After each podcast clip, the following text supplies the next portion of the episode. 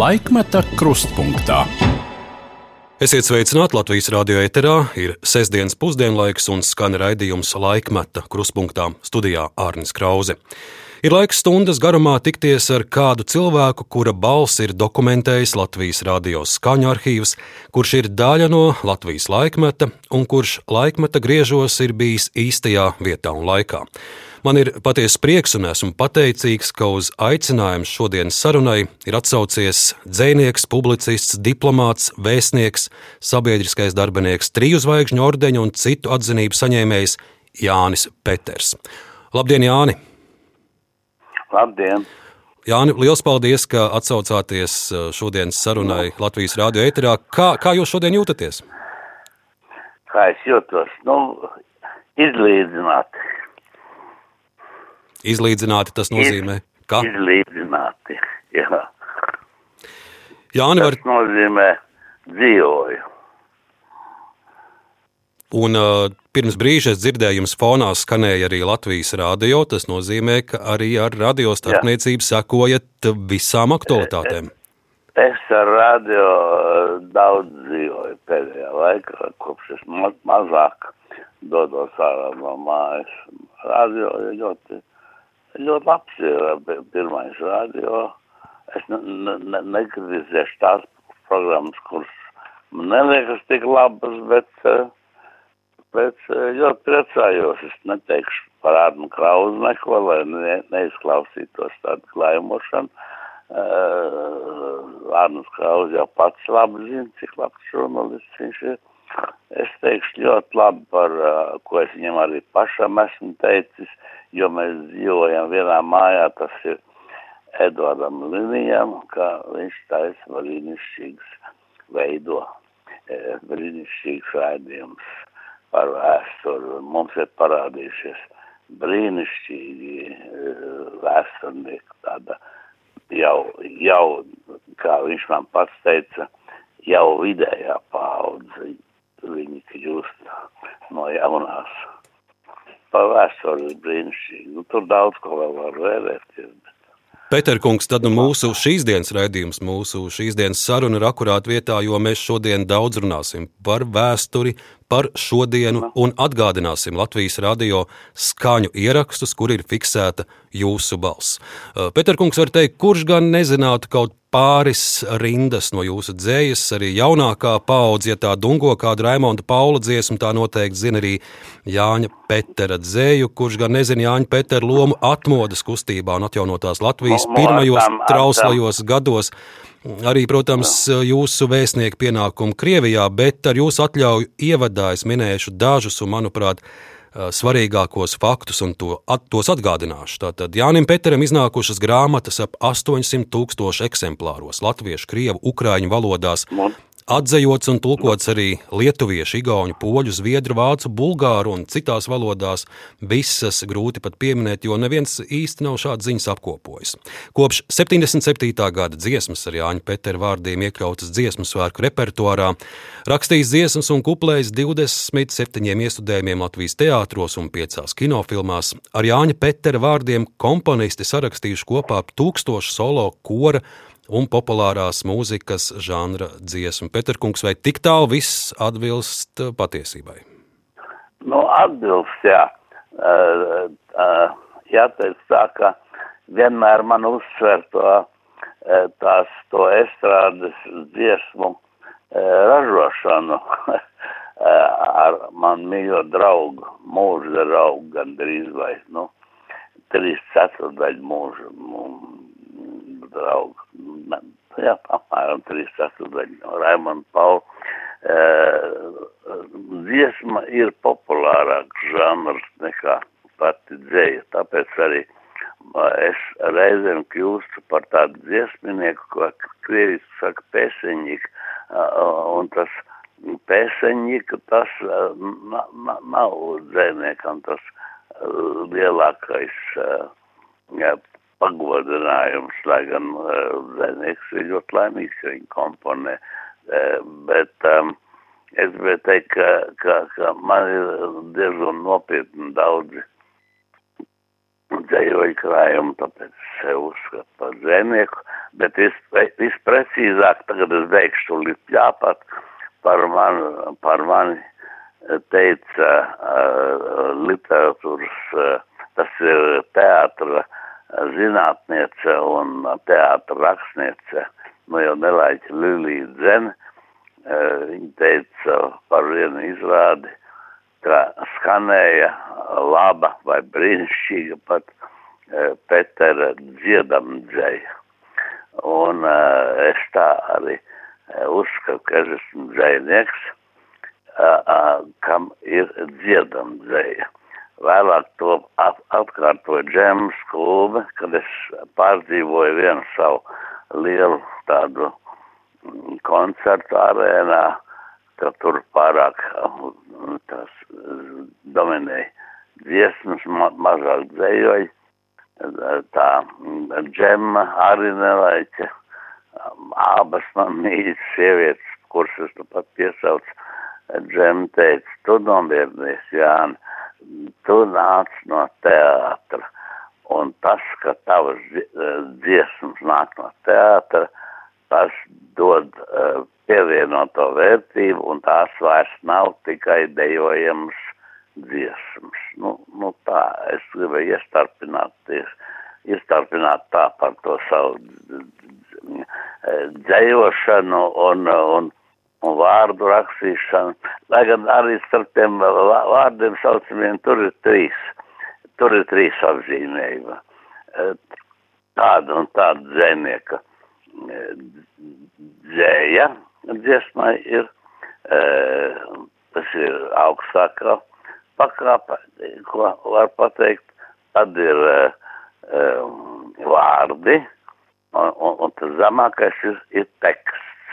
Teksts, un man kādreiz sāp sirds, ka tieši latviešu rādio, Latvijas rādio, arī brīžiem saka tā, Raimana Paula mūzika, Aspāzijas teksts. Tas skan ļoti banāli, vai rāļi teksts. Nu, Pēterkungs, es no, nezinu, kā mūsu saruna izvērtīsies, un vai šodienas raidījumā dzirdēsim arī kādu dziesmu ar Raimonda Paula mūziku un Jāņa Petera dzēju, bet kas to zina? Paula. Kas to zina? Varbūt arī, varbūt arī skanēs kaut kas. Ir vērts šo stundu nu, kopā varbūt. klausītājiem noklausīties, un varbūt būs arī mums kāds pārsteigums. Bet, Pēterkungs, es atzīšos, es sev priekšā neesmu uzrakstījis nevienu jautājumu, gatavot, gatavojoties mūsu šīs dienas sarunai. Taču esmu, taču esmu sagatavojis vairākas Latvijas radio audio liecības no dažādiem jūsu dzīves ritējumiem, kas nu, būtu salīdzināma ar upes tecējumu. Brīžiem ātrāki, brīžiem straujāki, tad priekšā kāds akmens, kāds dzirnakmens, kam jāaptek apkārt, un es eh, jums piedāvāju, ja šodien vēlos kopā ar jums doties šajā ceļojumā pa šo upi, pa jūsu pieredzēto.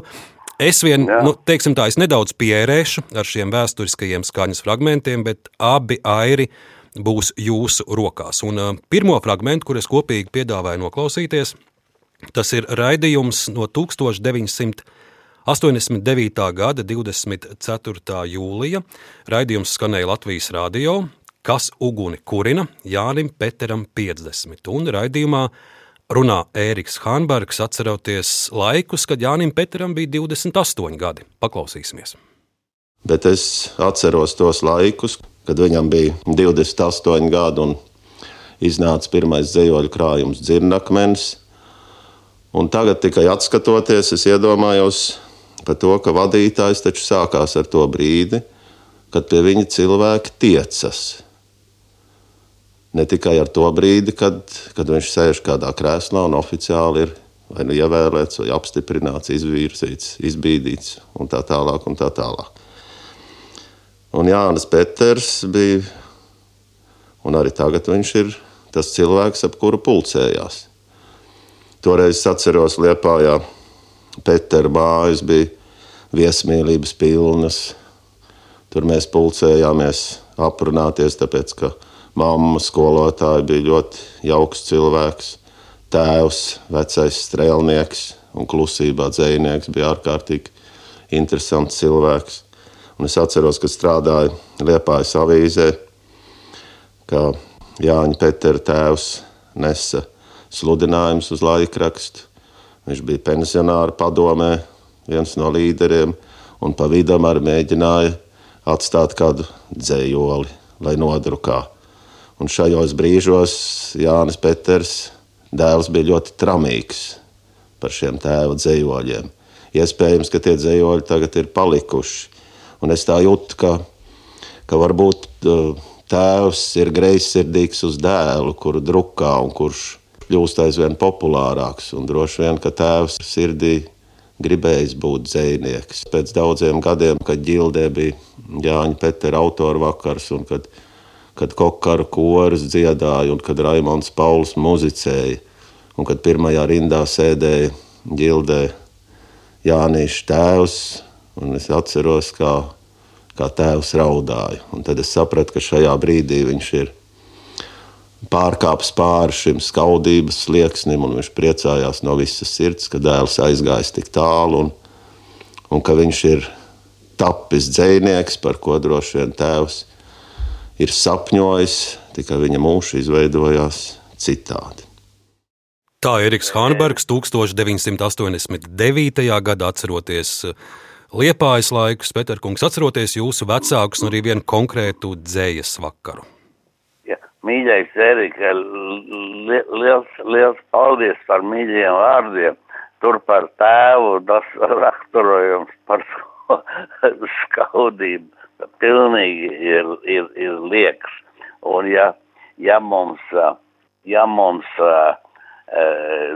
pa, pa dzējas un pa literatūras līnijas to, kas saskarbīt tieši otrādi ar māti, ar māti, jo māte man bija visu mūžu latviešu valodas un literatūras skolotāji visos laikos un, un, un, un aizgāja pensijā tieši no, no šī amata, no šīs profesijas. Un, un uh, viņa mums diendienā, kad vien varēja, būdam parasti nu, stipri sagurus un arī slimtains tēm, e, lasīja priekšā latviešu pamat literatūru īstenībā ar Rainu Brigaderu, uh, Aspāziju, uh, daudz ko, un Jaunsudra viņa pats sniedamās līdzi.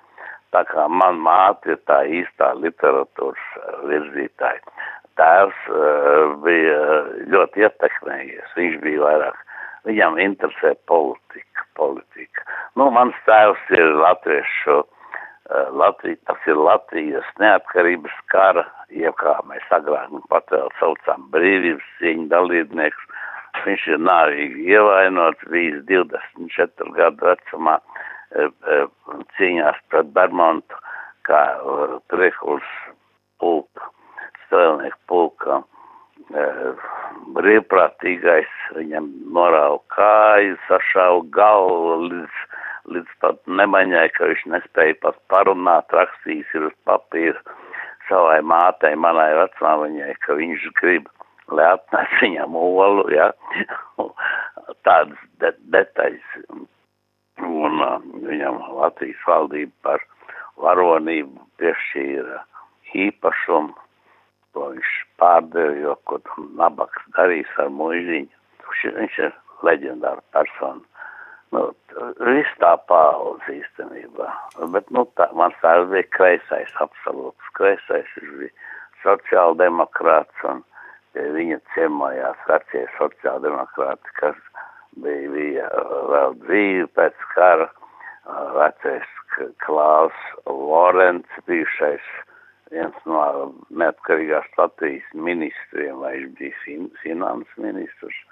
Es aizmirsu, kurš vēl viņš diezgan bieži brauc no Rīgas, brauc pie man tēva, spēlēja šahu, un viņi sabāzuši galvas kopā, runāja, runāja par uh, sociāldemokrātu lietām, ne tikai atcerēdamies kaut ko, bet Klaus, kā jau tāds globālāks cilvēks, daudz ko zināja par latviešu sociāldemokrātiem emigrācijā, par Bruno Kalniņu viņi runāja un, un notika manā dzīvē brīnums, ka es no kādiem 11, 12 gadiem dzirdēju Brunā Kalniņu vārdu, kaut arī man tēvs sūtīja tajā brīdī ārā, uh, tā kā malciņu panest vai kāpos viņas apliet, bet, uh, bet, nu, Bruno Kalniņš ir dzirdēt, man likās leģendāra persona, un atmodas laikā, tad es biju Stokholmā, vairāk kārt,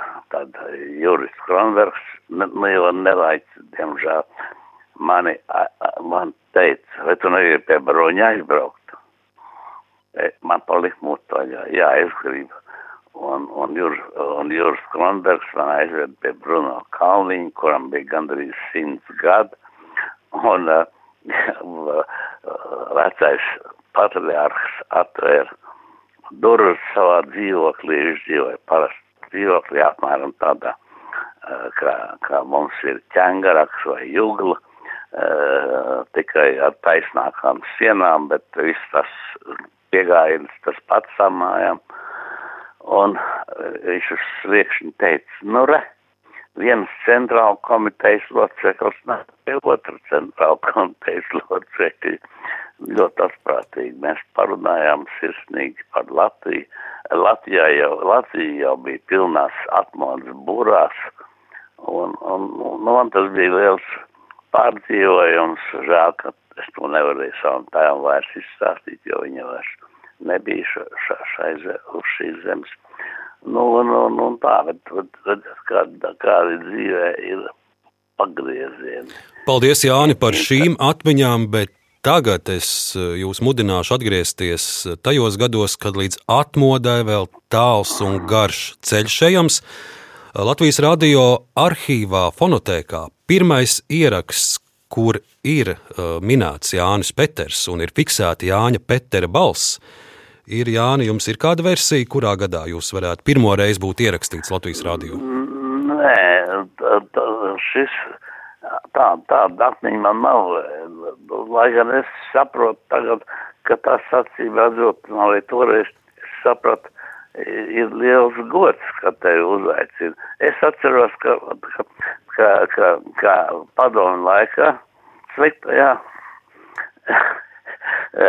ārkārtīgi aktīvi strādāja literārā redakcija, ārkārtīgi raidījām visu, ko var un ko un, un ko nevar. Un tur ļoti aktīvi bija uh, Rainis Ādmīziņš, arī jau kapā.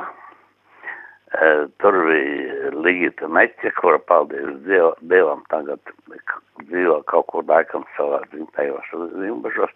Un es lasīju tur bieži, bieži. Un ne, ne jau es vien da, aicināju vienu un otru periodiski uh, lasīt pusstundu, 20 minūtes dzēju, un tas bija, tas bija brīnišķīgi, tā bija milzīgas iespējas uh, latviešu uh, dzēniekiem aiziet pie tautas. Nu, lūk, un tad nu tagad, uh, tad nu tagad noklausīsimies pašu pirmo reizi, kad Jāni Peteri 28 gadu vecumā dzird Latvijas radio klausītāji. Tas ir 1967. gads, ir ierakstīts dzējas vakars. Tātad Jāņa Petera pirmais ieraksts Latvijas radiofonā. Vārds Jānim Peteram. Vēdenbaums esot dzēris, jā, Vēdenbaums dzēra gan. Bērzu krogā dzers viņa bēres, lai klonakmens zvaigznes skan.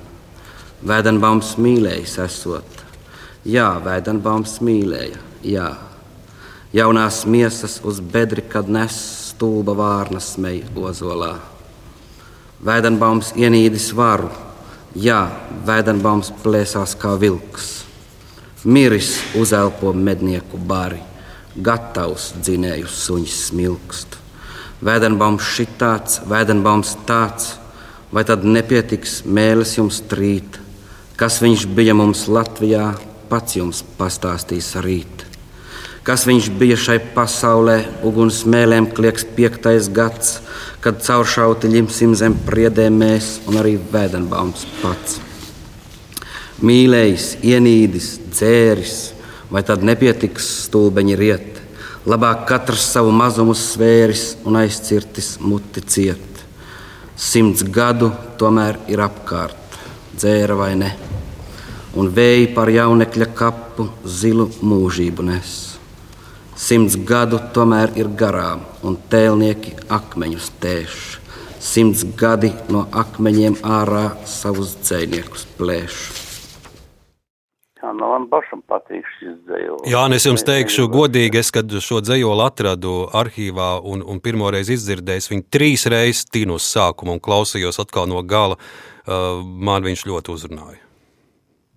Jā, un to, to, man liekas, ka tas arī ir uh, redaktoru Reņa atmīdiņa vai digitā meķes, um, tā sakot, virsvadībā.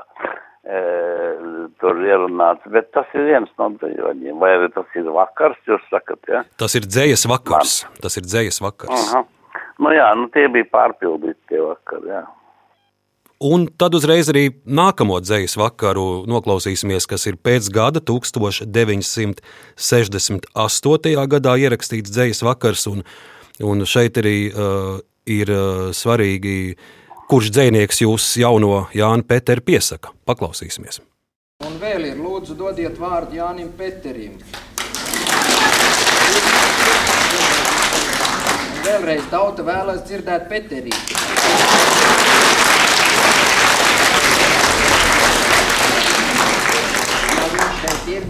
Viņam vārdu. Ir, ir.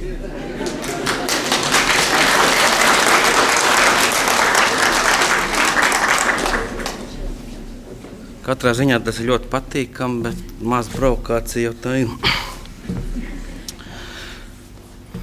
Es lasīšu vecpiebalgas nakts balādi. Vecpiebalgas viduskapos, oši lapo, nātris lapo, un kad nakts pa zariem braukā, reinis kāpi no kaplaukā. Te līdz kaibēniem ir tāli, bet pa svaigu zaļu zāli, baltām, vieglām veļu kājām ātri aiztikt var līdz mājām.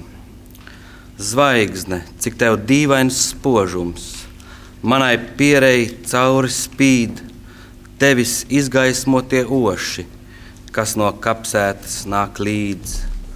Oši nāk kā miesas sargi, bet vai jāsargā vēl mani? Vai tad rakstnieki tik dārgi, ka tos pēcnāvē vēl ganīt? Lūk, tā 1968. gadā Imants Ziedonis saka, ka tauta vēlas dzirdēt Peterīti. nu jā, mēs bijām ar Imantu lieli, lieli draugi. Daudz ko apspriedām arī tādā. Mēs varbūt kā mazāk runājot, sarunājāmies ar Imantu Ziedonu par, par dzēju, kā par lielo, neteiksim, tā, tā būtu politika, bet par lielo, lielo dzīvi un par uh, traģisko likteni, kāds uh, draud latviešu tautai. Mums jau ar ziedoni pašiem neko slikt neklājās. Mums klājās labāk nekā ne, nesalīdzināsimies nemaz ar mūsu uh, dažiem mocekļiem, teiksim, ar Knuts Kuņnieku, Vizmu Belševics, daļai Ojāru Vāciet, kur tā morāli paspīdzināja, bet, bet mēs ar Imantu plānojam gan taktiku, gan stratēģiju to darīt. Mēs pat nolēmām rakstīt vēstuli Kosīginam par latviešu tautas bojāēju, domādama savā samērā relatīvā jaunībā, ka, ka biedrs Kosīgins, kurš ir tāds kulturāls uh, bildēs un televīzijā, ka viņš varbūt nezina, ka, kas te notiek, ka te notiek pārtautošana. Te burtiski notika mūsu nācijas, mūsu zemītes pārtautošana, un, un tas bija kaut kas tāds drausmīgs. Naktīs es pamodos un man negribējās ticēt un negribējās vairs aizmigt. Es nevarēju mums vairs aizmigt no šīs domas. No, mēs nekur to vēstuli ne, neaizrakstījām Kosīginam, bet, nu, bet jau tuvāk nāca tie jaunie laiki, jau tuvāk nāca saucamā perestroika vai māršaklā un vārdiem runājot pārbūvu, māršaklais pārtulkoja to, to perestroiku par pārbūvu. Un tad Jānis, un tad un Jānis Stradiņš akadēmiķis e, kaut kad tur vai nu radošo savienību plēnumā vai kur vienu vai otru reizi izgrūda vārdu atmodeši par to rakstu. Un, un tā ir Jāņa Stradiņa folklora šī, šī procesa nodēvēšana par, par trešo atmodu saistībams to pirmo atmodu ar jaunlatviešiem, ar Krišanu Valdmāru, Krišanu Barunu, un tad otru atmodu ar Rainu, un, un trešā bija, bija trešā, kur varētu varbūt saukt par stradiņu atmodu. Nu, tad es nejaucos. Peterkungs par atmodas gadiem mēs noteikti daudz vēl runāsim, bet pagaidām vēl paliksim pie dzējas. 70. gada ieraksts Latvijas radio arhīvā 1975. gads pie mikrofona Jānis Peters. Akmeņi vidzemes jūrmalā. Pieņem par likumu, likteņa lēmumu, iemācies dzirdēt caur akmeņu mēmumu, saulīte ausa un rietēja rietēdam, palika akmeņlauks pasaulē ziedēdams, rietēja mūžiņi austoši, rietoši, rietēja palika akmeņos dziedoši, akmeņu rekviems, galvas liet ciemiņi, akmeņu pierēs deg sarkana piemiņa, mērķi, kas kāroti, kari, kas karoti, vectēvs ar izskapti, māte ar karoti, akas par varenu, akmeņu amatu, palikt par liecību mūsu māju pamatos, kokiem un cilvēkiem līdzsvarot dzīvību, saknes ņemt gūstā par galotņu brīvību, nepaliec kurlībā, nepaliec kūtrībā, ieklausies, ielauzies akmeņu gudrībā, sudraba vēji pār jūru, kad ērģelē, akmeņu laivas uz mūžību zēģelē, norietēs mūžiņi, austoši, rietoši, mazdēliem pretim skries akmeņi dziedoši, pieņem par likumu, likteņa lēmumu, iemācies dzirdēt caur akmeņu mēmumu. Paldies, lūk, šis, šis arī, šī, šis dzējos arī tapa par dziesmu, man liekas, kā gan Pētera Plakiža, gan arī Raimonda Paula mūzikā un Pētera Plakida, plak, Plakida, jā, teiksim tā, variants skanēja vienos dziesmu svētkos. Jā, Latvijas radio glabā arī vīru kora dziedonis ierakst ar šiem vārdiem. Jā, nu jā, un gan jau vēl. Man jau tās dziesmas, tās kora dziesmas dziedāja daudz kori, piemēram, to, to man dzimteni, kur jūs nemaz vēl nepiesaucāt, gan droši vien jūs gatavojāties tam, bet tu, tā jau kļuva par tādu koru himnu, es negribu teikt par, tikai par koru dziesmu, bet par koru himnu, kur, kur jau sanāca kādi kori, un vēl tagad Raimonds stāst.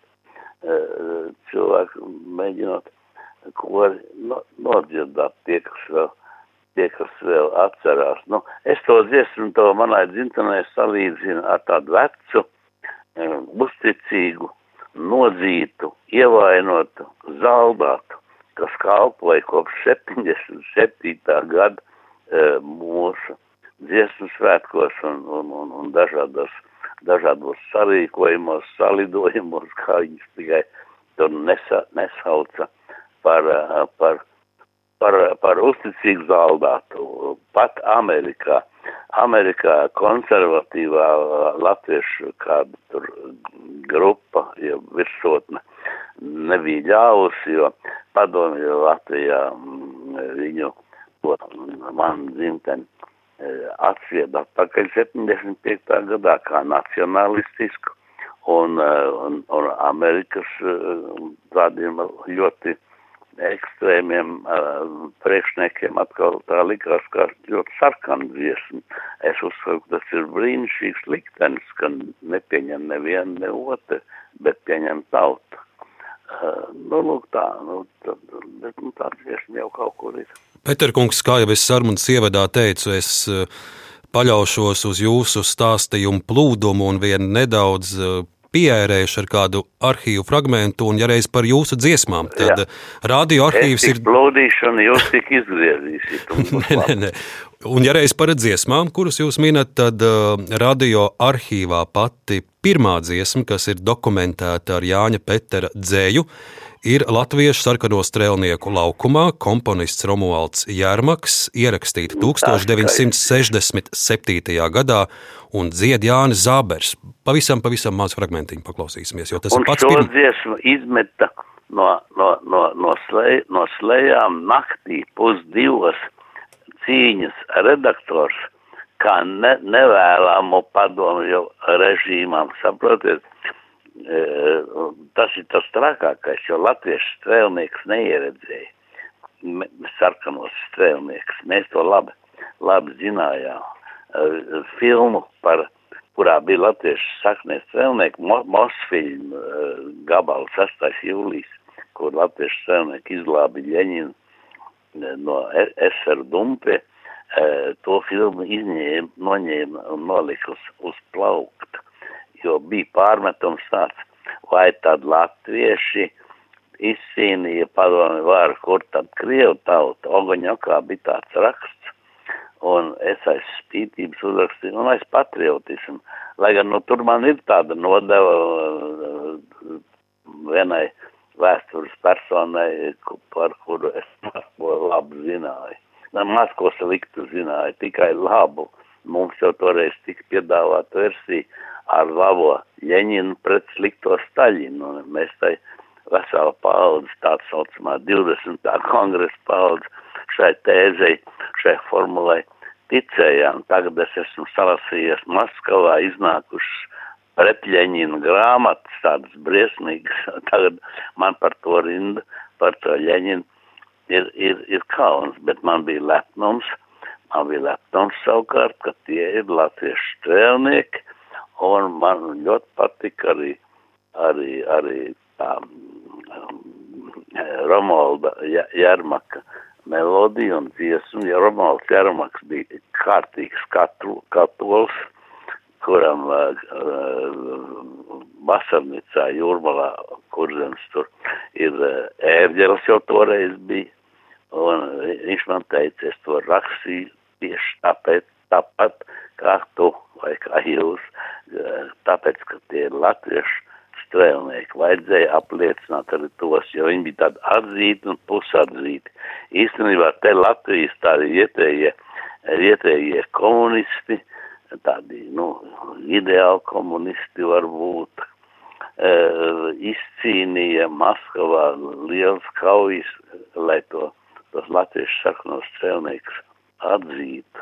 Peterkungs, Atzīst, pald, tā. Peterkungs, paldies par šīs dziesmas vēsturi, bet lai mūsu paudze saprastu, par ko ir stāsts un kā tad šī dziesma skan, ļausim tai nedaudz ieskanēties. Tātad 1967. gads pati pirmā dziesma, kurā ir Jāņa Petera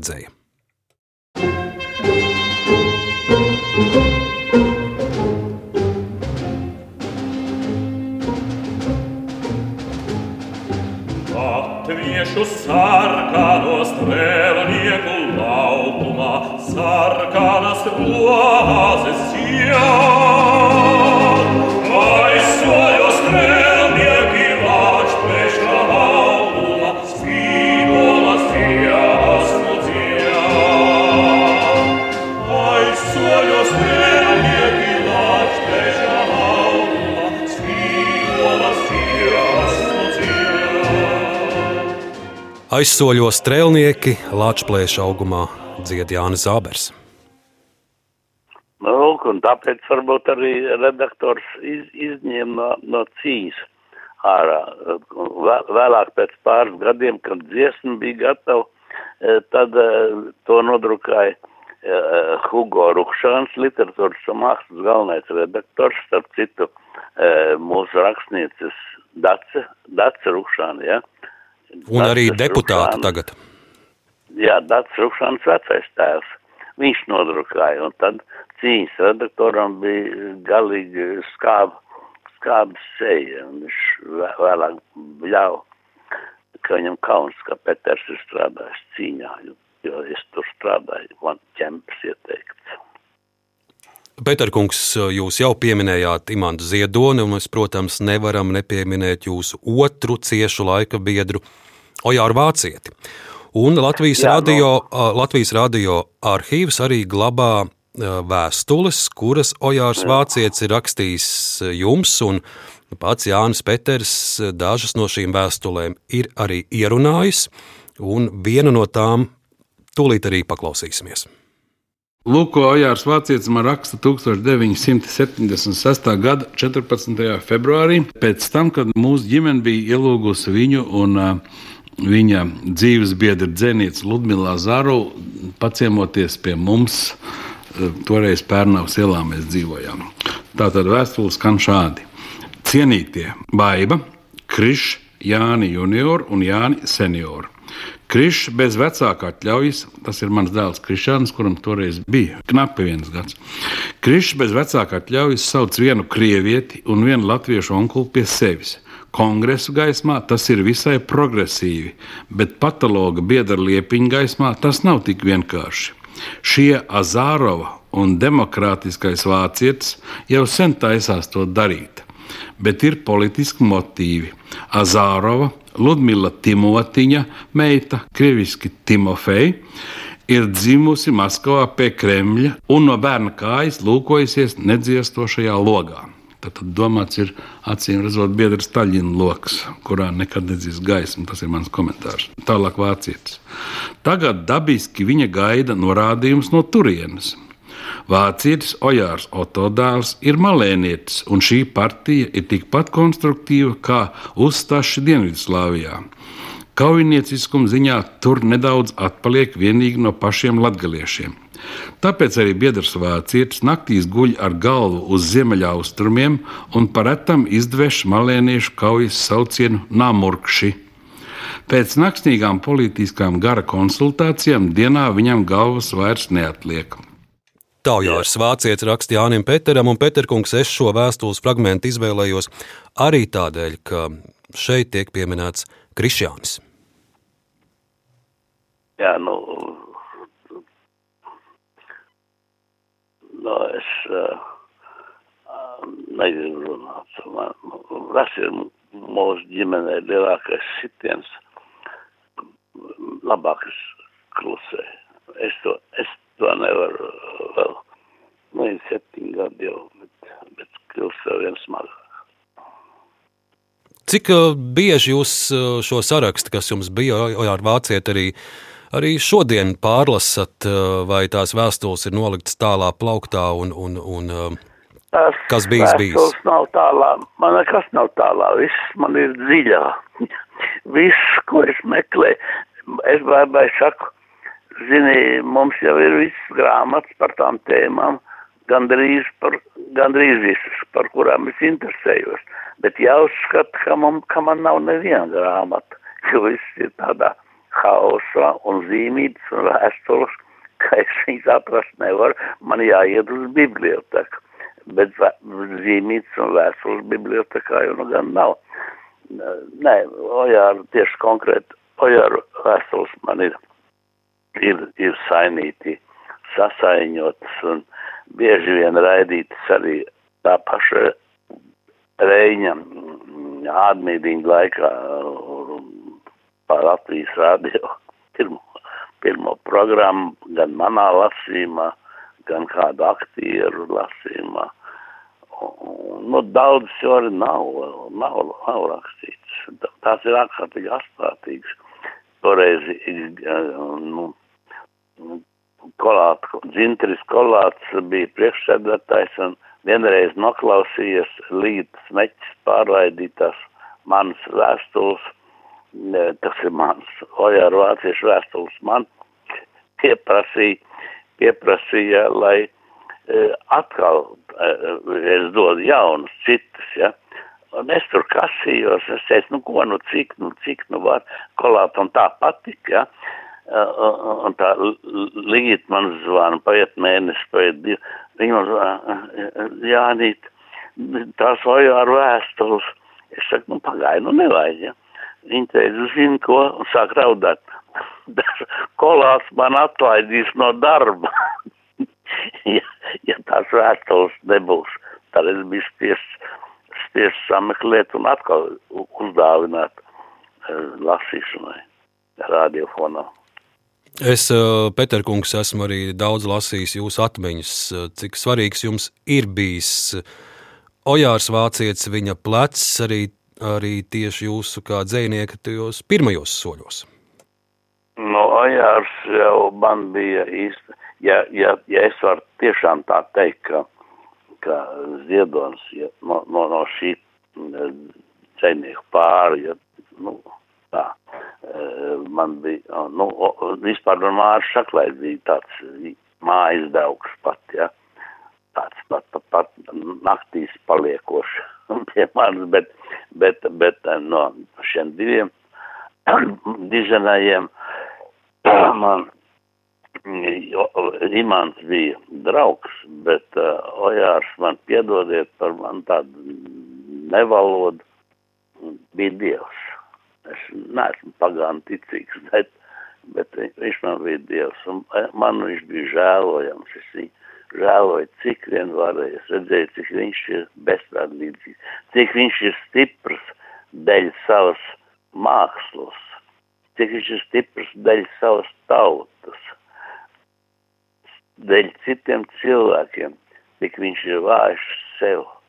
Sev viņš nevācīja sev aizstāvēt ne pa 0,00%. Absolūti nē, es darīju visu. Nu, ko es vien varēju, nu, ko es varēju, nu, es varēju kaut kur aizvest, kaut ko parādīt. Viņš man, viņš bija tik aizkustināts, kā atskrēja, kaut arī viņš ret, kur gāja pie manis uz, uz laukiem un ielūdzu būt man un baibu par vedēji, vedējiem, tā mēs saucām, ja toreiz, un arī tagad, nu, kā, kāzās vedējs savu dēlu.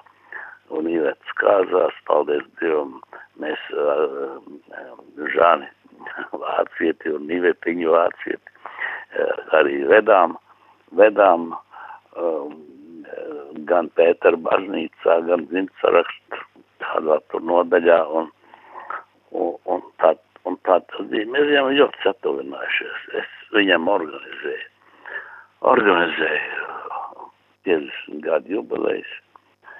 Jubilejas vakar, jo oficiālā rakstnieka savienība, es vēl tur nekas oficiāls nebija, bet ļoti atturīgi uz to skatījās, negribēja, jo viņš jau lūk ir gandrīz vai dzērājs un huļigāns, viņš jau labāk nē.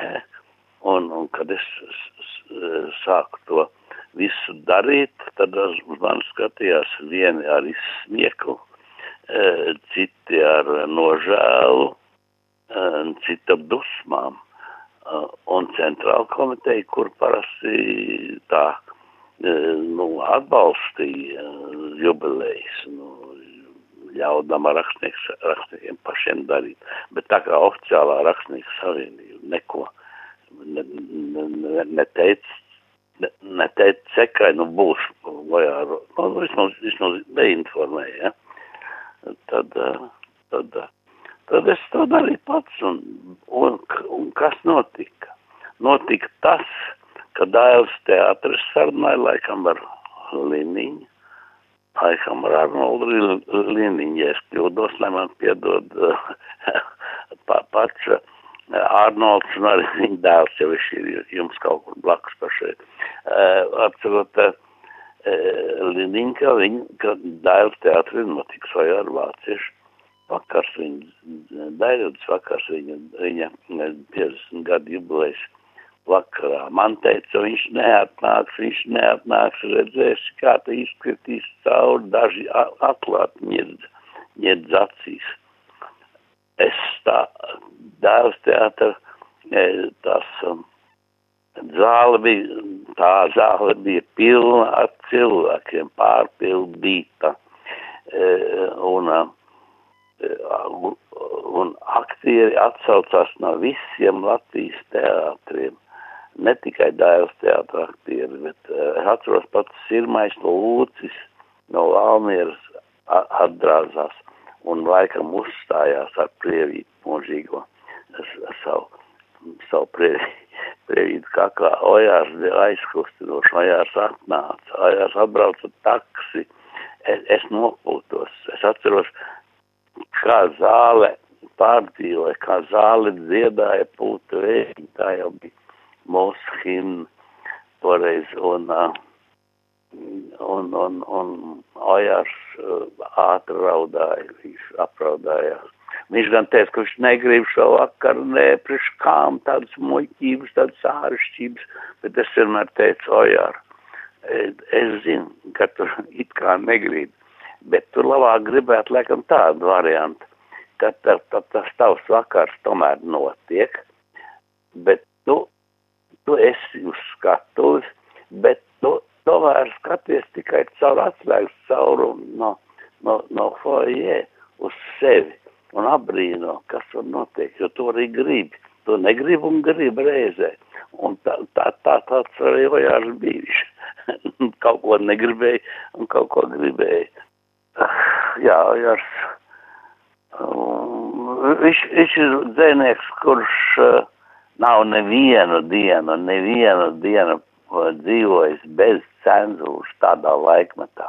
Ziedonis nodzīvoja uh, dažus gadiņus, kaut arī saslims smagi, uh, jau brīvā Latvijā rakstīja, ja, brīvā Ojārs, Ojārs nodzīvoja be, uh, cenzūras laikmetā, pilnīgs cenzūras dzēnieks un brīvs kā, kā reti kāds, kā reti kāds.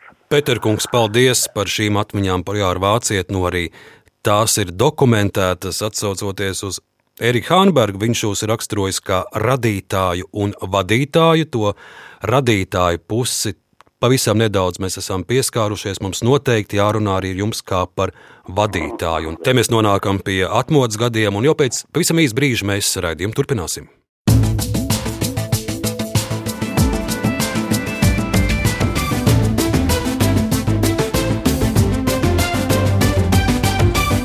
Laikmeta krustpunktā. Jāni, lai atcerētos atmodas gadus, es piedāvāju sākt ar 1988. gada 1. un 2. jūnija ierakstu Radošo savienību plēnums. Ļoti labi, ka Latvijas radio arhīvs to ir dokumentējis pilnībā. Jā, bet, un fragments no Jāņa Petera uzstāšanās noklausīsimies. Tieši internacionālisma vārdā un padomju federālisma padziļināšanas vārdā šodien jārunā par Socialistisko republiku savienības pašu pamatu, republiku kā valstu suverenitāti un nāciju reālu līdztiesību. Latvijā īpaši aktuāli ir pamatnācijas situācija, kas izveidojusies neapskaužama, un proti revolūciju, karu, staļinisko represiju, nacistiskā genocīda rezultātā tauta pati savā etnoģeogrāfiskajā teritorijā pārvēršas par minoritāti. Ja inteliģence tiek uzskatīta par tautas sirdsapziņu, tad sirdsapziņai šodien ir jārunā. Jārunā un jānāk klajā ar konstruktīviem priekšlikumiem. Mūsu izstrādātais apvienotā plānuma rezolūcijas projekts šos priekšlikumus ir fiksējis pamatos, un tie tiek nodoti jūsu visu apspriešanai, papildināšanai, koriģēšanai, apstrīdēšanai.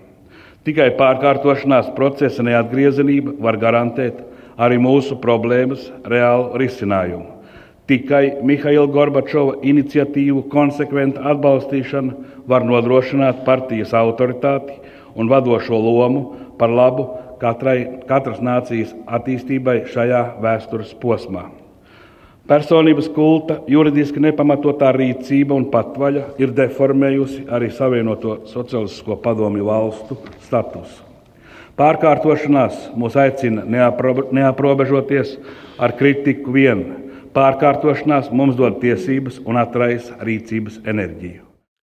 Pamatnācijas situācija neapskaužama, sirdsapziņai šodien ir jārunā. Nekurš katrs 88. gada vasarā vēl bija gatavs ko tādu teikt. Nu, es jau runāju vēl, vēl diezgan izsvērti, jo es apzinājos e, situāciju un zināju, kas ir, kas ir jāsaka, lai e, šis plēnums kļūtu legāls, legāls, bet e, es jau dabūju arī, nu, neko lielu, bet aizrādījumu cekļu birojā par, par dažu labu, tur personāžu ielūkšanu un laišanu skatos un, un tā tālāk, bet, nu, es runāju tā, kā es toreiz dzīvi sapratu, dzīvi sapratu, un, bet man nevisai saprata pašas augšas, izņemot vienu cilvēku. Um, un tas ir, um, es domāju, no augšas par pārējiem nerunāsim, bet uh, par, par kolēģiem un tautu. Bet uh, Anatolijas Gorbanovs uh, vilka daudz, ja nebūtu Anatolija Gorbanova ideoloģiskā sekretāra amatā, mums iet daudz, daudz sliktāk. Un es nebūtu savācis visus, visu republikas, kā mēs toreiz teicām, uh, vadību kopā. Man da, daži pārmeta, kāpēc to ielūdzi visus, es tagad izplūdu mazliet, ielūdzi visu vadību. Es varu teikt pilnīgi atklāti. Tāpēc, ka Igauņi izdarīja, kā puišaļi uzvedās. Igauņi taisīja vispirms, nu viņiem gods un slavu viņi pirmie taisīja plēnumu, bet viņi pieprasīja visu republikas vadības atkāpšanos, protams, neielūdzot viņus, ja. Es sapratu, tā ir puišaļu lieta. Tā ir, tā ir, zin, puišaļu akmeņu, iesvie, akmens, ies, akmeņa iesviešana, teiksim, teiksim, buržuja dzīvoklī, ja, dusmā, un viss, nekas vairāk, ja, tālāk policija un, un, un puišaņiem pa dibenu. Bet, bet es sapratu, ka, ja mēs gribam kaut ko pateikt nopietni un priekš pasaules, pasaulē, nevis tikai mūsu ciemam, atvainojos, ja, tad, tad mums ir jārīkojas paši. Man, paldies Dievam, bija jau tāda pieredze, ka divi gadi iepriekš es biju sarunājies divatā privāti ar Mihailu Gorbačovu. To es liku sev uh, zem uz, krā, uz tās zem tās vietas, uz kuras sēdēja. Ja? Gorbačovs uh, personiski pienāca man klāt, Mhātā tas ir Dailes teātrī Maskavā, kur, kur es teicu runu.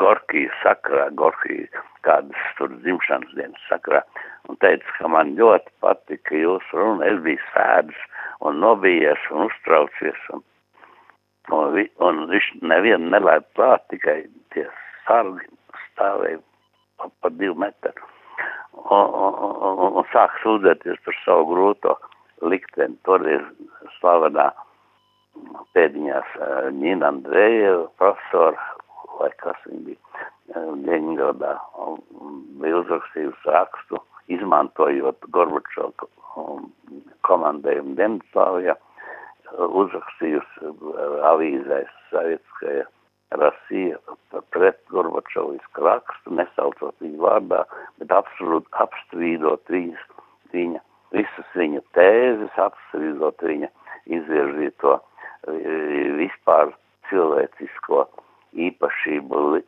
turpmāko nepieciešamību likt proletāriskā internacionālismu vietā. Viņš teica, sācies uzbrukums uzbrukums perestroikai. Es redzēju, ka, ka viņš, kāpēc viņš man pienāca, tāpēc, ka es viņam atstāju kaut kādu iespēju ar savu runu, jo es tur runāju par Gorkiem un Ļeņina uh, to diskusiju, tur bija tāda, tad jāsim visu vēsturi. Un teica, jā, pareizi vajag ar Ļeņinu arī, arī diskutēt un, un, un, un, un, te, te cilvēki riņķī tie citi padomi rakstnieki, kas tur bija klāt, un ierēģi nevarēja saprast, ko, ko, ko mūsu augstākais amats, iedomājieties, kāds toreiz ģenerāls sektāra amats tūlīt pēc Brežņeva Andropā un tā tālāk. Tas jau bija kaut kas neapstrīdams, vēlāk viņš kļuva apstrīdams un, un apcietināms forasā. Un, nu, tā, tā mēs norādājām. Es sapratu, ka viņš ir neaizsargāts arī, lai gan no otras puses, otras puses kaut kā nājas, ja, kaut kādā veidā nājas. Tad tas man arī iedrošināja 88. gadā palaist.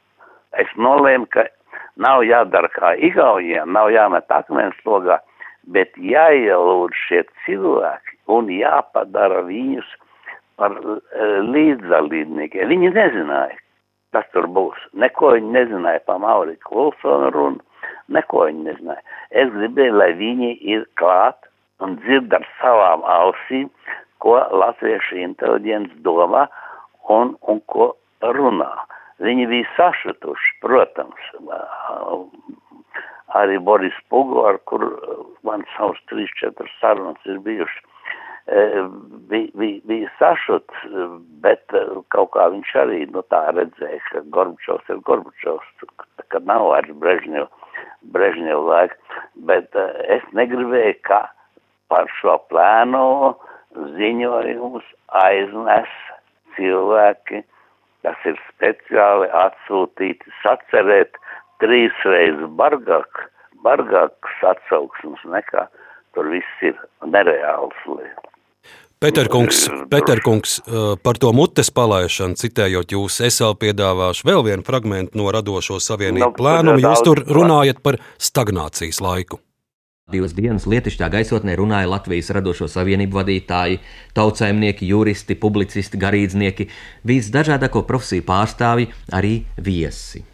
Plēnumu atklāja Latvijas radošo savienību kultūras padomas priekšsēdētājs, dzēnieks un publicists Jānis Peters. Šīs divās marta dienās mēs gribam pasvītrot skaidri un gaiši. Latvija un tās pamatnācija, kā arī to tautību republikas iedzīvotāji, kuru nacionālā valstiskuma veidojuma atrodas aiz Latvijas robežām, ir tiesīgi arī par savu iegūmu uzskatīt katru vīnes tikšanās noslēguma dokumenta pozīciju, kā cilvēka individuālo tiesību, tā arī nācijas līmenī. 1940. gadā PSRS sastāvā nokļuvusi Latvijas republika atbilstoši Latvijas PSR konstitūcijai patur tiesības uzskatīt sevi par suverēnu valsti, kuras pamatnācijai nekas nedrīkst liekt pastāvēt neierobežoti ilgā vēstures periodā. Vēl vairāk, lai nostiprinātu un tālāk attīstītu savu valstiskumu, Latvijas PSR likumdevējiem un valdībai jādara viss, lai mūsu dzīves realitātes tuvinātos vīnes tikšanās noslēguma dokumentam, kurš nedrīkst palikt tikai Padomju Savienības lietošanā importa vajadzībām. Noslēguma dokuments nav propagandas materiāls, Tam jākļūst par katra pilsoņa iegūmu, par mehānismu, kas ļauj ikvienam uzņēmumam, mācību iestādēji, kultūras struktūrai, ikvienam cilvēkam, neatkarīgi no tautības un reliģijas, piedalīties starptautiskās norisēs. Šāds fragments arī no radošo savienību plēnuma. Jā, tas, tā, tas, tas ir nākamais uh, radošo savienību plēnums, jau daudz vairāk iedrošināts, ja, ied, un, un drošāks, un, un tur jau piedalījās arī mūsu emigranti saucamie, toreiz mēs viņus saucam par emigrantiem, tagad par trimdiniekiem, lamāja padomi vāra no zemes virs nost, ja, tā kā tā, tā, tas ir vēl viens plēnums, ko, ko mēs, mēs gājam. Nu, es īstenībā, ja, ja es tā briesmīgi analizēju sevi un savus biedrus mīļos, bez kuriem es nekā nebūtu izdarījis, man tad liekas pašreiz, ka es te, ka es te par sevi vien runāju. Var, var sakot, mēs gājām soli pa solim, un tas bija pareizi. Te nebija, toreiz nebija 1905. gads, kad mēs ņēmām salmvīks, skūpošs, degošs un likām pie mūžām klāt un nodarīdam, eh, pat, protams, pieteikdam savu, savu protestu pret uh, patvaldību, bet, bet arī nodarīdam ļaunu pašu sev un savai reputācijai un, un savai valstī. Un viens no šiem soļiem, un viens no šiem soļiem ir arī, protams, Tautas frontes dibināšana. Latvijas radio arhīvs glabā ierakstu no 1988. gada 8. oktobra pie mikrofona Jānis Peters.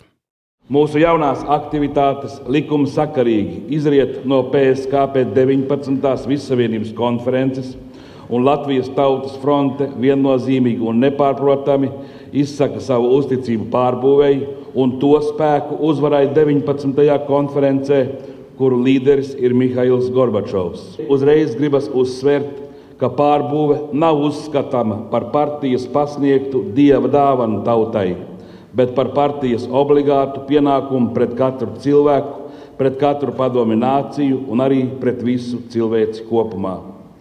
Izsakot savu gandarījumu par uzsākto sabiedrības radikālo atjaunošanu, jāizsaka arī nožēla, ka process nesākās daudz agrāk, un proti, stagnanto līderu ievēlēšana pēc Brežņeva aiziešanas no vēstures skatuves un pirms Gorbačova atnākšanas apliecina, efektīvo bremžu sistēmu PSKP centrālās komitejas politbirojā un apstiprina, ka šī sistēma acīm redzot nav brīva arī mūsdienu situācijā. Tieši šī uzdevuma dēļ veicināt visu progresīvo spēku atraisīšanu un piedalīšanos politiskās reformas realizēšanā ir sākusies kustība, kam pēc ilgām diskusijām dots nosaukums Latvijas Tautas fronte. Un skanot šiem aplausiem, Jānis Peters, Tautas fronts dibināšanas kongresā, ja tā var teikt, izspēlē arī savu vienpersonisko trumpi, un par to Jānis jums, protams, pašam lūkšu pastāstīt plašāk. Jā, nu, es daudz ko, nu, ne, ne, neteiksim, ka ļoti daudz ko, bet šo un to darīju viens pats, eh, kas ir nedemokrātiski. Ne, ne bet eh, tajā laikā eh, dot mm, pasviest eh, par esmu tādu cilvēku visam, piedodiet, pūlim, es, nes, es tautu ne, neidentificēju ar pūli, bet bija tāds pūlis arī izveidojies arī tajā tautas fronts kongresā, kas to vien gaidīja, lai Peters nodibina, to, nu nevis nodibina, bet organizē. Protams, protams, to es darīju kopā ar, ar, ar, ar, ar, ar, ar Jānis Strādeņu, ar Kletskinu, ar, nu, ar, ar, ar, ar, ar daudziem cilvēkiem. Kad es beidzot piekritu Džems Skulds spiedienam, kuru teica, tikai tu vari to izdarīt, tas ir sasaukt to tautas frontu kopā. Un kad to teica um, Ojārs Rubens un, un, un, un viss la, labāk ar puišā uh, Edins Inkans un citu. Um, tad es sapratu, ka nodibināt es varu, jo mana autoritāte pēc radošo savienību plēnumu bija liela. Un arī pēc, pēc dziesmu svētkiem visādiem manai dzimtenei un tā. Bet uh, bija liela, bet ka nodibināt es varu, bet tas nekas nav nodibināt. Nodibināt tas ir tā, nolikt uz sliedēm kaut ko un, un tā pašam mukt krūmos, lai, tam, lai, lai to objektu, kas ir, ja tā var teikt, nolikts uz, uz sliedēm, lai ar to notiek, kas notikdams, lai viņam, lai viņu saspēr pērkons vai lai uzbrauc cits, cits, cits kāds bruņu vilciens virsū. Es sapratu, ka man būs jāuzņemas arī atbildība, kas vadīs. Visi, visi nē, bet ļoti daudzi bija pārliecināti, ka Peters būs sākumā vadītājs, pēc tam mēs viņu tā lēnām noēdīsim, jo viņš ir centrālās komitejas loceklis, par ko starp citu iekavās runājot, es vēl tagad esmu uh, apmierināts, ka tas biju, jo ja tas nebūtu bijis, es to nebūtu, es, es to nebūtu varējis arī padarīt, man arī daudz ko, daudz ko uh, piedeva. Uh, Vārdsakot, es domāju, kas vadīs, un es izanalizēju 20 cilvēkus pēc 31. augusta, kad mēs pirmoreiz sanācām, līdz 8. 7. 8. oktobrim bija, nu, nekas, viens mēnesis, astoņas dienas, septiņas dienas. Un, un, kas vadīs, kas vadīs, es nevadīšu, es negribu. Man, man vienkārši nepatika goda vārds, man nepatika nedz organizēt un dibināt, jo es biju pilnīgi apmierināts un godkāri man bija. Tas cilvēks nemaz nepiedalījās tautas frontes idejās, gatavošanās idejās. Viņš pat nebija zālē, kad es viņu nosaucu. Viņš bija kaut kur lejā bufetē, es aizsūtīju kādu zēnu, lai aiziet uzvalk augšā. Un tas bija kas? Tas bija uh, Dainis Īvans. Kāpēc Dainis Īvans? Pie sevis es izdomāju, kāpēc? Tāpēc, ka Dainis Īvans ir tāds cilvēks, kuru var pieņemt, kuru pieņems diezgan labi. Pieņems tauta, kas bija ļoti svarīga, ja, ja ielikt kādu pret tautieti, ja tā var teikt, ja, nu tad, tad, tad, tad jēgas nav Peters nodevējs, ja. ja, ja, bet, ja ieliktu kādu, kas ir ar atņirktiem zobiem arī pret varu toreizējo, ja, atkal nekas nebūtu. Būtu čuš, būtu sagrāva pēc diviem, trim mēnešiem. Man bija, ja, ja, jāizdomā cilvēks, kurš ir e, tādu, ko, tāds, kuru mīl tauta, ciena tauta, tāds, kuru, e, ar kuru būtu daudz maz mierā, varbūt pat diezgan lielā mierā, e, valsts vara, tā toreizējās valsts. Es domāju, ka tas ir Dainis Īvāns. Dainis Īvāns, kāpēc? Tāpēc, ka Dainis Īvāns bija Daugavas glābējs, tas ir tautai, ja? Tautai. Daugavas glābējs kopā ar Edvinu Snipu, Sniparis, par Sniparis domāju, vēl ka Snipu, tad nosaukt par to priekšnieku, bet nu, tad es sapratu, ka viņš mazāk var būt harizmātisks, viņš, viņš bija tehnisks. Un, un, un bet Dainis Ivans bija partijas biedrs, strādājis preses komitejā, ko, ko nepārāk mīlēja, ja? e, rakstīja diezgan kaislīgus publicistiskus rakstus, bijis 19. konferences dalībnieks, bez 19. konferences delegāts nekas nebūtu arī noticis, nekādas vēlēšanas nebūtu brīvas, un tā tālāk, un, un tā, un pēc tam, pēc tam, pēc tam uh, partijas vadība, kur arī tautas fronts kongresā sēdēja 4. vai 5. rindā vārste prezidijā, man teica, Vagris, pirmais sekretārs, kur bija tikai 5. dienu šajā amatā, jo Pugo bija aizsaukts uz Maskavu, Vagris teica, bet es domāju, Bet mēs domājām, ja es, ka, ka pats būsi, ja? Es teicu, nu nē, nē.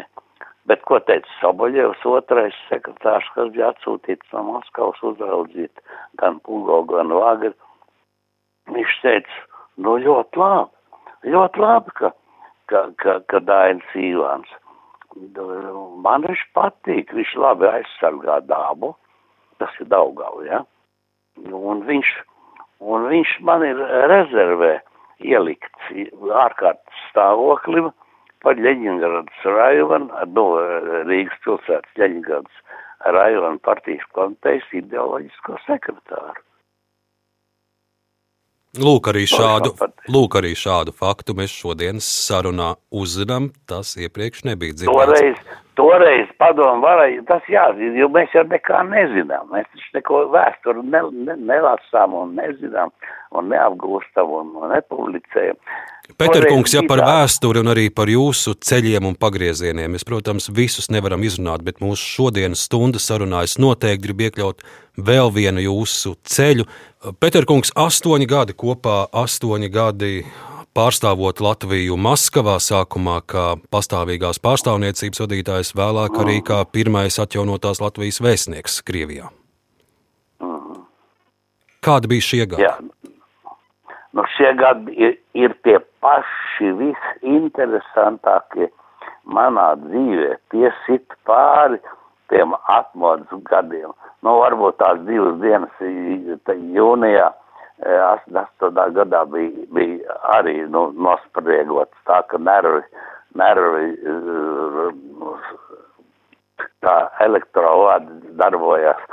Tad es aizbraucu vienu dienu iepriekš uz laukiem, iebāzu rokas savus, savus gruntsgabalus zemē, lai 1. jūnijā dotos nomierinājies atpakaļ uz Rīgu, bet, bet astoņi gadi bija paši interesantākie. Tas, iedomājieties, es esmu sākumā pārstāvs, kas nozīmē gan to pašu neformālo vēstnieku, un pēc tam īsts vēstnieks Krievijā. Tas ir, un padomju savienībā un Krievijā, tas ir valstī, no, kura mēs, no kuras mēs esam atkarīgi, kurā mēs esam iekļauti, bet kurā mēs pie fasādes, es otrā dienā uzvilku sarkanu, baltu sarkano karogu, ieliku, noņēmu plāksni, pastāvīgā pārstāvniecība pie uh, PSRS ministru padomas.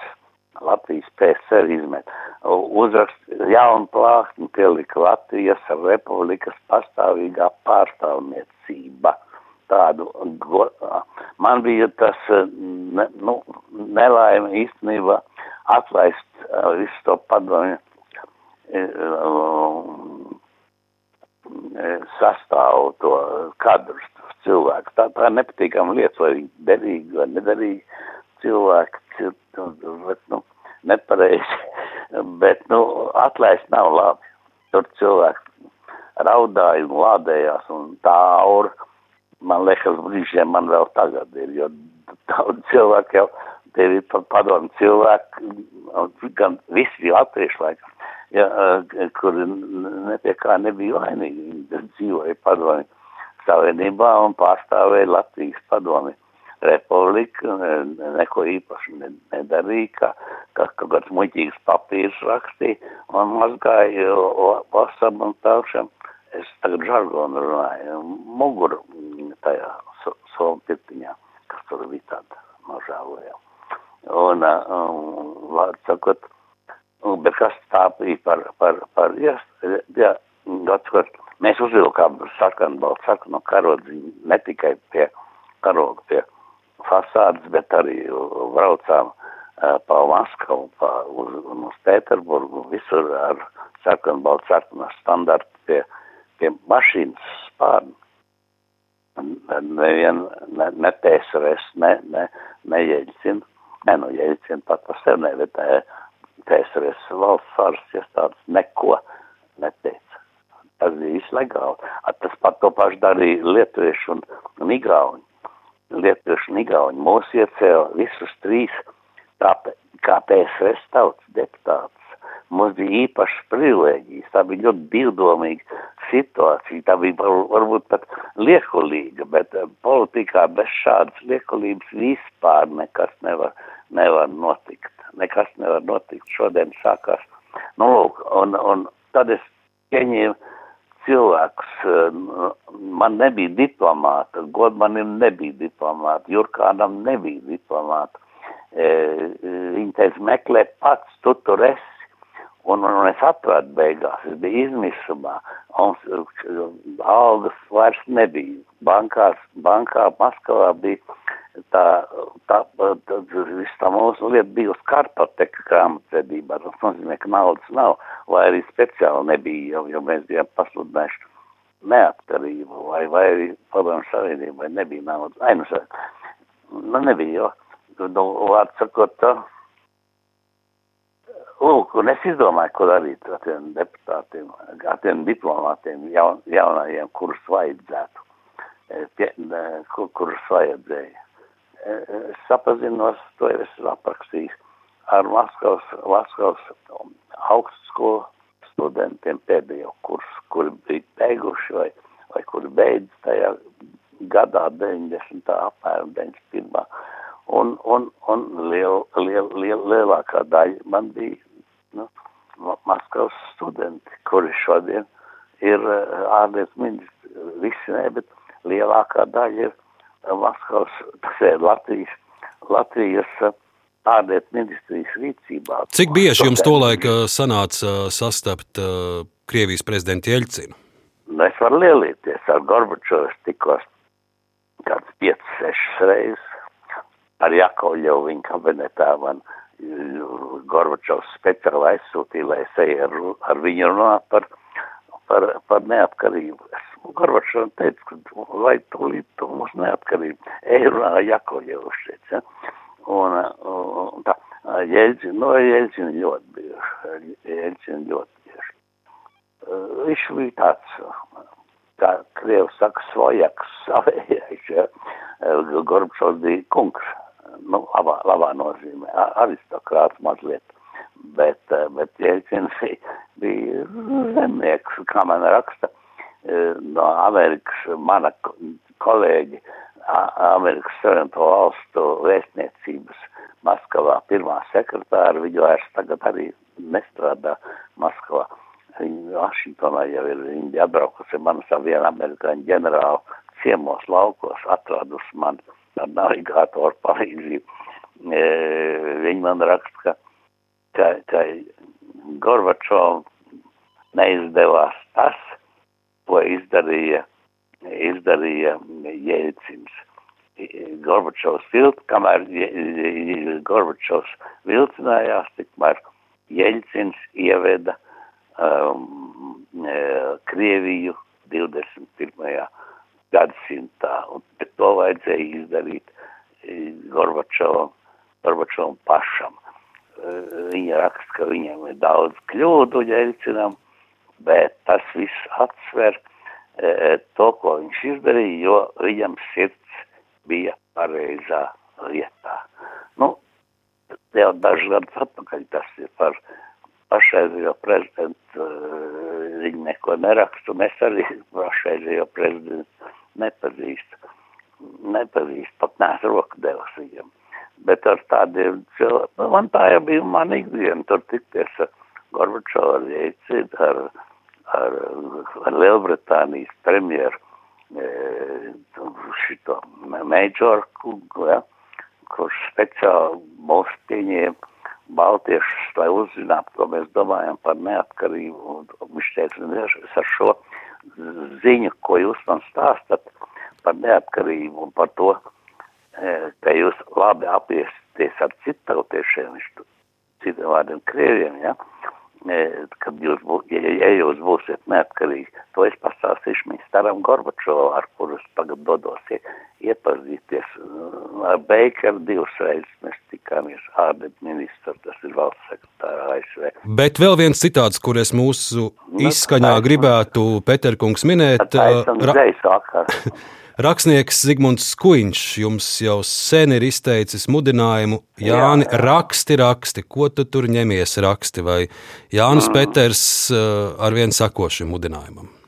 Nē, nu to jau neteica tikai Zigmunds. Nu, Zigmunds atceros tikai tāpēc, ka, ka tā ir ļoti spilgta personība, un ja, ja Ziedonis man teica, jā, ņem rakstnieks savienību, tur visi paguruši, tur visiem ir bail ņemt, tev ir politiska domāšana, tad, tad ko viņš teica ot, otrādi, viņš neteica neņem rakstnieks sadarbības vadību, viņš teica raksti, ja Ziedonis. Māri teica, nu, raksti, bet, bet, bet, bet, bet, bet vadi arī to mūsu organizāciju. Vajārs neteica neko. Vajārs teica, būs labi. un, un, nu jā. Nu, es, es ne, ne, ne, ne, neesmu klausījis ziņu, ne, neesmu, neesmu klausījis. Viņš, viņš man vienmēr ir cildinājis, cildinājis vēstulēs, un tā ļoti cildinājis, pārcildinājis par, par kaut kādiem maniem tiem, par grāmatām par, nu, par manu dzimteni vispār viņš lec stāvs gaisā sajūsmā. Pēterkungs, ja reiz mēs pieminam Ojāru Vācieti, tad ar to viņa būs labi, Jāni būs labi. Manuprāt, tas būtu arī, arī labs un uzmundrinošs punkts mūsu sarunai. Jā, un liels jums paldies, ka jūs mums devāt ieskatu šajos pirmajos atmodas gados, arī laikā, Nu, vēl, kā kad atmodu ieskats, es ne- vēl pat nebija, nebija pie apvāršņa. Es jums saku lielu, lielu paldies, un mēs sākumā solījām, devis. un mēs sākumā solījām, ka būs arī kāds pārsteigums no Raimonda Paula. Uh, Jūsu pirmais dzējols, kas ir publicēts Liepājas laikrakstā, Kaist pīlādes Jā. sniegā, vai jūs zināt, Jā. ka Raimonds uh, Pauls ir viņam sakomponējis arī mūziku? Nu, man tādas baumas bija. Bet jūs dzirdējis vēl neesat, ja? Ko es dzirdēju tās baumas no tad, tad žurnālista Tārņa Krauza. Ak tā, bet tad nu jūs arī tagad radio pirmo reizi uh, šo dziesmu izdzirdēsit. Un liels paldies, paldies, jā. Jāni, paldies Es jums par esmu- sarunu. Es esmu aizkustināts. Es esmu aizkustināts.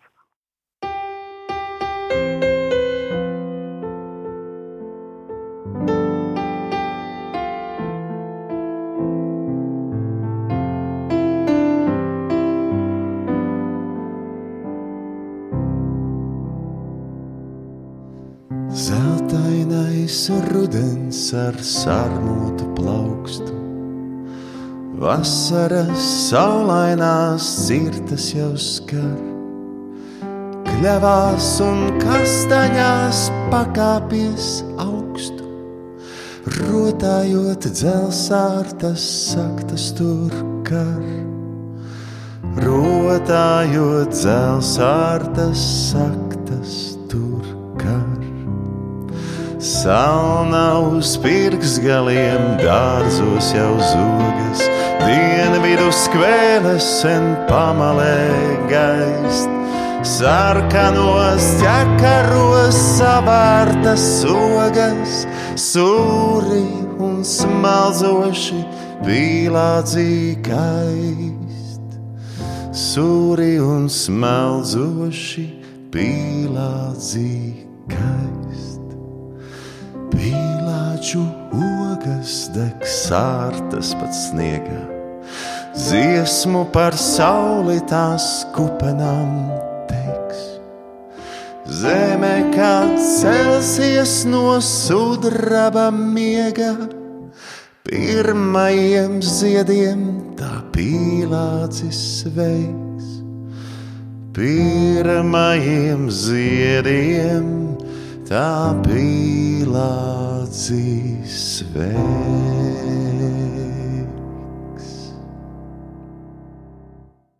Paldies par sarunu Jānim Peteram. Klausieties mūsu sevērtā laikā un vietā arī Latvijas radio mājaslapā un visās populārākajās straumēšanas platformās. Raidījuma autori Arnis Krauz un Ilza Aginta par skaņu rūpējās Reinis Budze. Paldies un turpiniet klausīties Latvijas radio!